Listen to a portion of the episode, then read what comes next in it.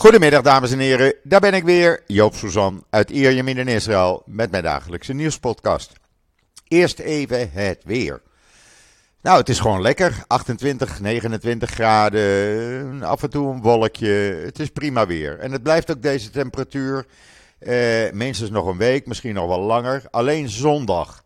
Zondag krijgen we gewoon regen. Zondag wordt een regendag over heel Israël werd gisteravond uitvoerig besproken op televisie in het weer, weeroverzicht. En uh, ja, ik heb even op mijn app gekeken, maar ook daar staat 100% kans op regen, zo'n 10, 20 mm. We gaan het zien, dat spoelt de straten even lekker schoon.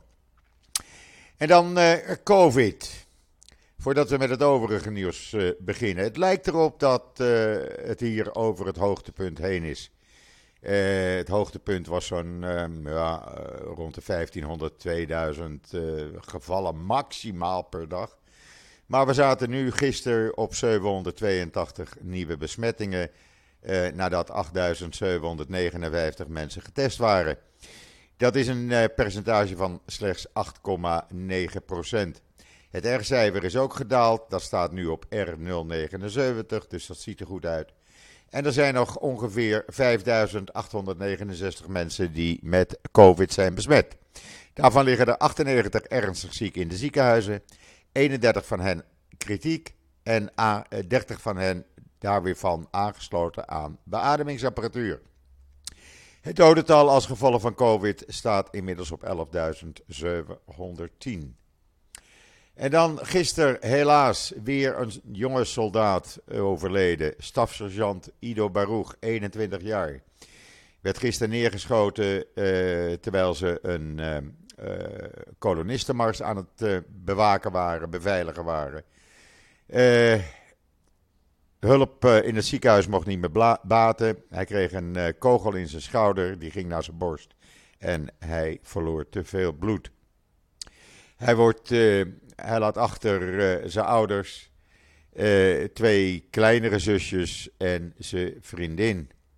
Hij wordt vanmiddag om uh, twee uur onze tijd in Gedera op de militaire begraafplaats daar begraven. Eerder werd gezegd dat hij, ja, dat hij niet overleden was, maar het bleek dus toch zo te zijn, helaas. Hij ja, wordt beschreven als een actieve jongen, sociaal uh, erg bezig. Was ook disjockey. Uh, zijn ouders hebben besloten om het horenvlies te laten transplanteren, zodat anderen daar weer uh, mee kunnen kijken. ja, het is altijd verschrikkelijk als zo een jong iemand komt te overlijden. En ja, ik kan alleen maar zeggen, mogen hij rusten in vrede. En dan uh, de IDF die heeft gisteravond een Hamas-drone neergehaald. Niet dat het een uh, geavanceerde was, je kan ze overal kopen. Maar die worden door Hamas toch gebruikt voor andere doeleinden dan als speelgoed, zullen we maar zeggen. Inmiddels zijn Hamas en Syrië vriendjes met elkaar geworden. Want die hadden tien jaar ruzie. Maar ja, uh, Hamas ziet ook wat er in Iran gebeurt. Die Ayatollahs kunnen binnenkort wel eens van het toneel zijn verdwenen. Ja, wat moet je dan? Dan moet je toch ergens uh, vrienden hebben nog. Dus proberen ze dat maar met Syrië. Nou, we zijn er klaar voor, zullen we maar zeggen. En dan die uh, historische gasdeal. Want historisch is het, zoals president Biden gisteren zei in een telefoongesprek naar Yair Lapid toe. Het is, een, uh, ja, het is historisch. Jullie schrijven geschiedenis. En uh, hij bedankte Lapid ook uh, voor alles wat hij gedaan had met zijn team. Zodat het tot stand kon komen. Maar hoe zit het nou werkelijk? Want er zijn veel vragen, merkte ik. Nou, ik heb het een en ander uitgezocht. Zowel in de Engelstalige als de Hebreeuwstalige pers. En natuurlijk wat er hier op televisie in de journaals werd gezegd gisteravond. Maar laat ik eerst, eh, ik heb het allemaal op israelnieuws.nl staan, daar kunnen jullie het helemaal lezen. Maar laat ik eerst beginnen met de kritiek van de oppositiepartijen onder leiding van Netanyahu. Want die vinden deze deal maar niks en die vinden het een capitulatie aan Hezbollah. Nou, dat is het gewoon niet, want Hezbollah is er niet eens bij betrokken geweest. En daarnaast zeiden eh, belangrijke Amerikaanse onderhandelaars en congresleden tegen Netanyahu: Als je het dan zo beter eh, weet, waarom is het jou dan in dit afgelopen tien jaar niet gelukt toen je ermee bezig was? Want deze overeenkomst is geen overwinning van de ene partij op de andere partij. De ene partij ontvangt ook niet meer dan de andere partij. Uh, het is een overwinning voor Israël, dat veiligheid en economische welvaart uh, ervoor terugkrijgt. En een overwinning voor Libanon, dat, de, dat een kans krijgt op economische welvaart en hoop. Want nu heeft het land helemaal niks. En deze deal een prestatie of overgave? Nee, het is een economische deal. Het is een pact over veiligheid. Het is de juiste manier om rust in het noorden te krijgen. Want een land wat uh, groeit en bloeit, heeft geen zin in oorlog. En uh, de wijze waarop Netanyahu het voorstelt, betekent gewoon oorlog. En daar zit niemand op te wachten. We zijn dat zat. En trouwens, uh, laten we niet vergeten erbij te vermelden, mensen. Het was Netanyahu die jarenlang toestond dat Qatar zakken vol geld elke maand naar Hamas kon brengen. 60 miljoen, 100 miljoen. En denkt u nou werkelijk dat dat allemaal gebruikt werd voor sociale doeleinden?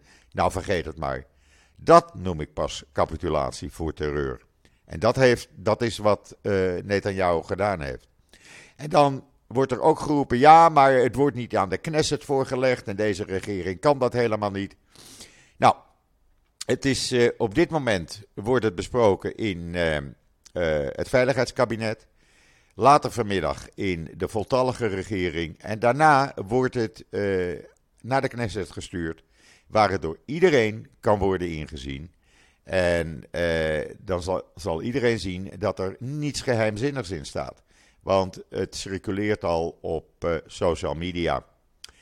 Alleen dat is officiële diplomatieke, politieke taal. En nou ja, daar mag dan wel in het Engels zijn, maar dat leest niet zo makkelijk weg, zullen we maar zeggen. Zodra ik het heb, zal ik het online zetten. ik denk eerder dat het een soort frustratie is van de oppositiepartijen onder leiding van Netanyahu. Vooral omdat Netanyahu ziet dat de onervaren Lapid, in zijn ogen, wel gelukt is wat hem niet gelukt is. En daar raakt hij overstuur van. Zo zit de man in elkaar. Eh, dat, en, en, en om dan leugens te blijven vertellen, eh, waarvan iedereen weet dat het allemaal niet waar is.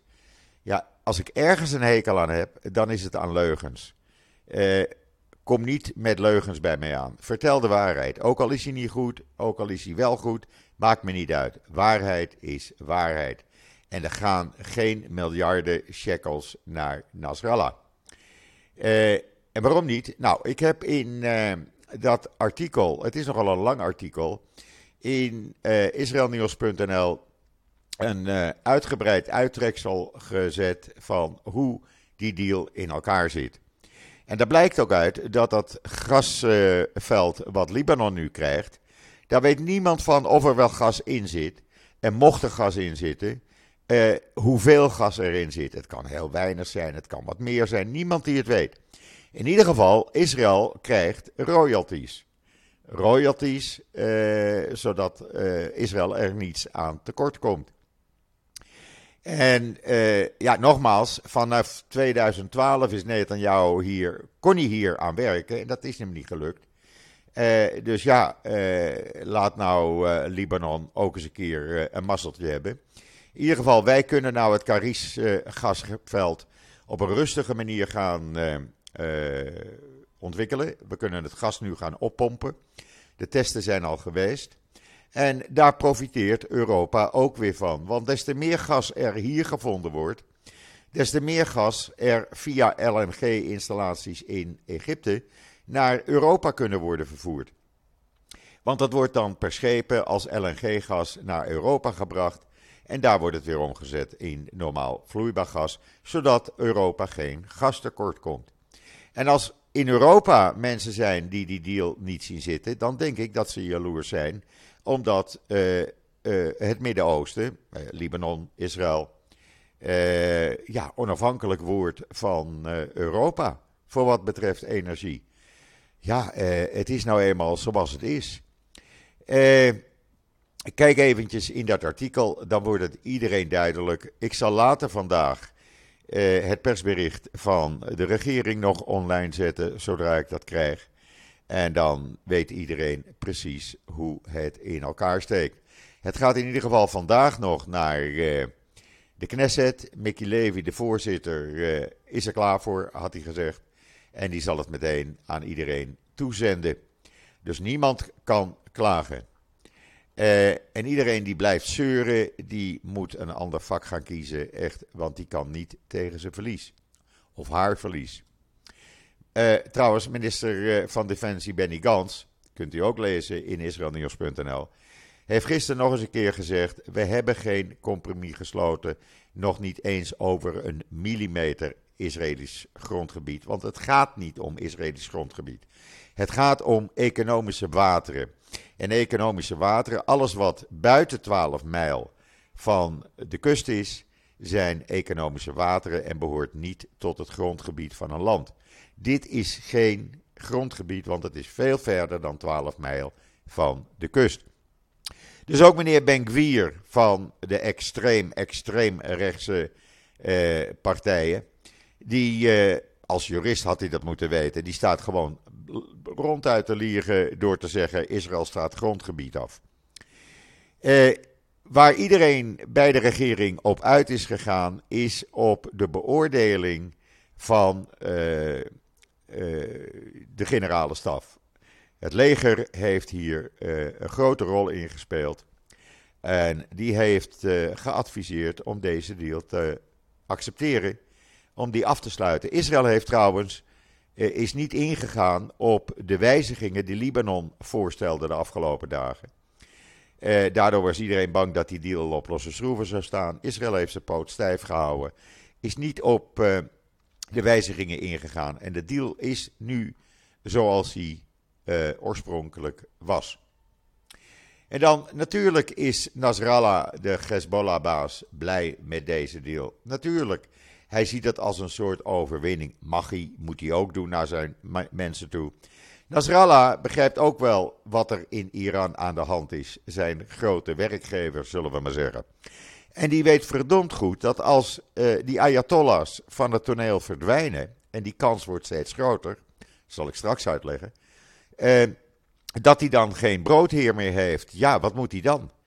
Uh, dan heeft hij geen steun en toeverlaat meer en dan staat die moederziel alleen. Dus die begrijpt ook wel dat hij uh, uh, deze deal moest accepteren.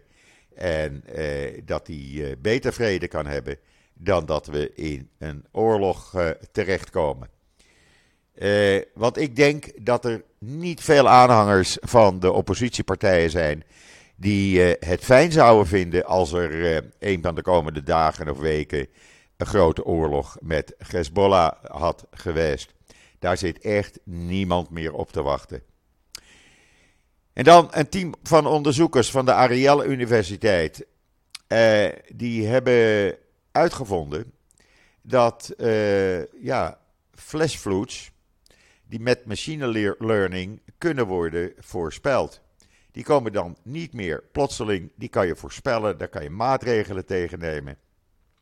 Maar dan moet je wel machine learning, learning methode gaan gebruiken, anders gaat dat niet lukken. Lees het artikel in uh, israelnieuws.nl. En dan wou ik nog even iedereen bedanken die uh, mij gisteren weer gesteund heeft. Mensen, zonder jullie steun, ik kan echt niet verder, want de Europese Unie zorgt ervoor dat die euro hier in het buitenland, in Israël, steeds minder waard wordt. Uh, en ik kan alleen maar doorgaan en ik wil er graag doorgaan, maar met jullie steun. Nogmaals, dat kan via fooienpot met een d.com. Uh, van elke 2 euro gaat 50 eurocent naar Alen, het kinderziekenhuis in de Negev. En uh, dan, ja, dan sla je twee vliegen in één klap, zal ik maar zeggen. En dan gisteravond, ja, als we dan toch over historisch praten, ik vind dat toch wel historisch. Maccabi Haifa heeft met 2-0 gewonnen van het eens zo machtige Juventus. Jawel. En het stond al in de eerste helft 2-0. Uh, ik vind dat wat. Ik vond dat een prachtige wedstrijd. Ik heb ervan genoten. En ze waren met recht hartstikke blij. En dan gaan ze uh, op 25 oktober weer naar Paris Saint-Germain. Nou, die zullen ze niet winnen. Alhoewel Paris Saint-Germain het in Haifa een paar weken geleden moeilijk had. En dan uh, moeten ze op 2 november nog tegen Benfica. De kans dat ze doorgaan, dat ze overwinteren, is opeens een stukje groter geworden. Hoe leuk is dat? Vanavond natuurlijk Ajax. Kwart voor uh, acht bij ons, kwart voor zeven bij jullie in Nederland. Ben benieuwd of ze zich gaan revanceren. En we hebben er weer een lekkere antisemiet bij, Kane West. Hij kwam nou weer, uh, had eerst uh, maandag antisemitische uitspraken. Gisteren kwam hij weer met dat uh, Ku Klux Klan, nee, dat geplande ouderschap uh, dat uh, was ingesteld om de Joodse bevolking onder controle te houden. Hoe vind je die? Nou, ik vind dat die kerel gewoon uh, eventjes van het toneel moet verdwijnen. En dan zei ik net van, de kans dat de Ayatollahs verdwijnen wordt steeds groter. Mensen die mij op Twitter volgen, die zien dat ik er nogal wat aandacht aan besteed. Ook aan de activisten die ik retweet. Maar wat er nu gebeurd is, en dat is ook gebeurd, dat was cruciaal tijdens de Islamitische Revolutie van 1979. De oliearbeiders hebben zich aangesloten bij de protesten. En we zullen alles vernietigen, zeggen ze, wat we hebben opgebouwd. En die stakingen van die oliearbeiders, die deden die Shah nou net de das om.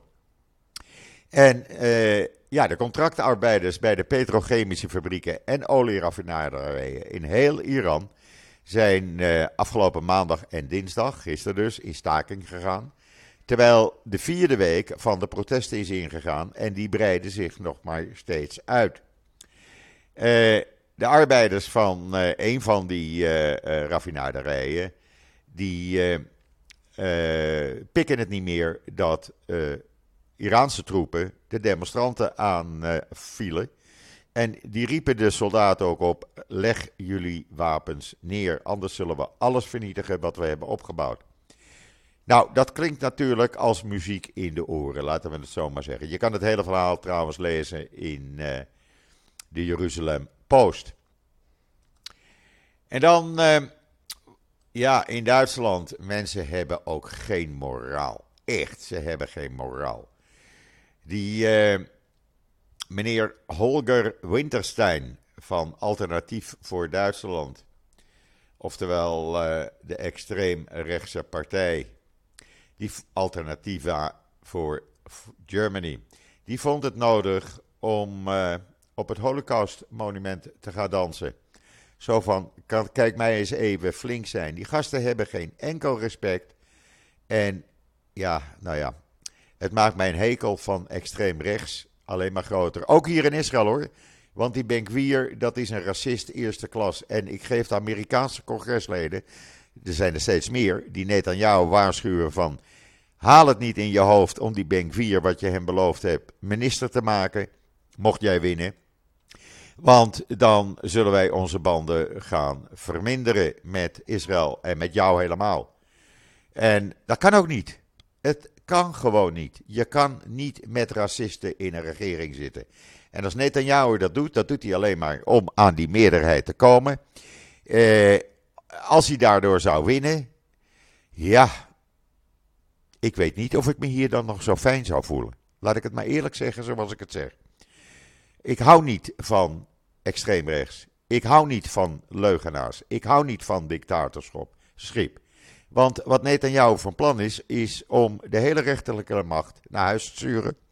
En daar nieuwe rechters voor te benoemen die hem wel gezind zijn. Ik heb dat al eerder uitgelegd, maar het wordt steeds duidelijker. Het wordt ook bekend, erkend door Likud-leden. Uh, het draait allemaal om Netanyahu. En ja, sorry, maar er zijn nog meer mensen die het land kunnen regeren. Uh, het gaat er alleen maar om dat hij uit de gevangenis blijft. Ja, als je buiten de pot gepiest hebt, dan moet je op de blaren zitten, zullen we maar zeggen. En dan, uh, ja, uh, wat hebben we nog meer? Ja, er is nog iets heel ergs. Ik vind dat wel triest. Een voormalige Israëlische voetbalcoach, die was in 2015 naar, vanuit Beersheba naar Oekraïne verhuisd. Ging vechten met het Oekraïnse leger. En uh, werd in september doodgeschoten. En nu is tijdens een gevangenenruil is zijn uh, lichaam teruggegeven. Hij verhuisde in 2015 naar Oekraïne om zijn zieke grootmoeder te verzorgen. En liet zijn moeder en uh, vrouw achter in Beersheba. Of zijn moeder en broer. En hij bleef in Oekraïne nadat hij zijn toekomstige vrouw had ontmoet. Heel triest allemaal. Hij uh, coachte toen hij in Israël woonde nog Maccabi Beersheba. En dan is de politie vandaag in hoogste staat van paraatheid in Jeruzalem. Want daar komen tienduizenden mensen vandaag bijeen voor de traditionele zegen van de priesters. Altijd weer bijzonder. Je kan het op YouTube zien. Ga maar even naar Western Wall. Daar kan je het helemaal zien. Ja, en dat het echt herfst gaat worden of dat het echt winter gaat worden. Ja, we moeten eraan geloven, mensen. Want uh, de eerste duizenden kraanvogels. die zijn uh, in het Hula, bij het Hula-meer. In het, uh, ten noorden van Tiberias. gearriveerd. En zodra de kraanvogels komen, ja, dan komt ook de winter. Er worden er 90.000 verwacht. Daarvan schat men dat er tussen de 30.000 en 40.000 tot maart in Israël blijven. Die hebben geen zin helemaal naar Afrika te vliegen. En die gaan dan weer terug naar Europa in maart. En uh, ja, het is elk jaar weer, als de kraanvogels komen, als het Hula-park volloopt, het Hula-meer, dan, uh, ja, dan komt de winter. Het is niet anders. We willen het niet, maar het hoort erbij.